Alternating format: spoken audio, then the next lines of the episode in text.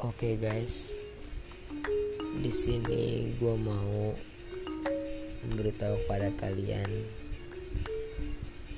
bahwa sebuah studi menyatakan kedekatan seorang ayah pada anaknya adalah kedekatan anaknya pada seorang ayah.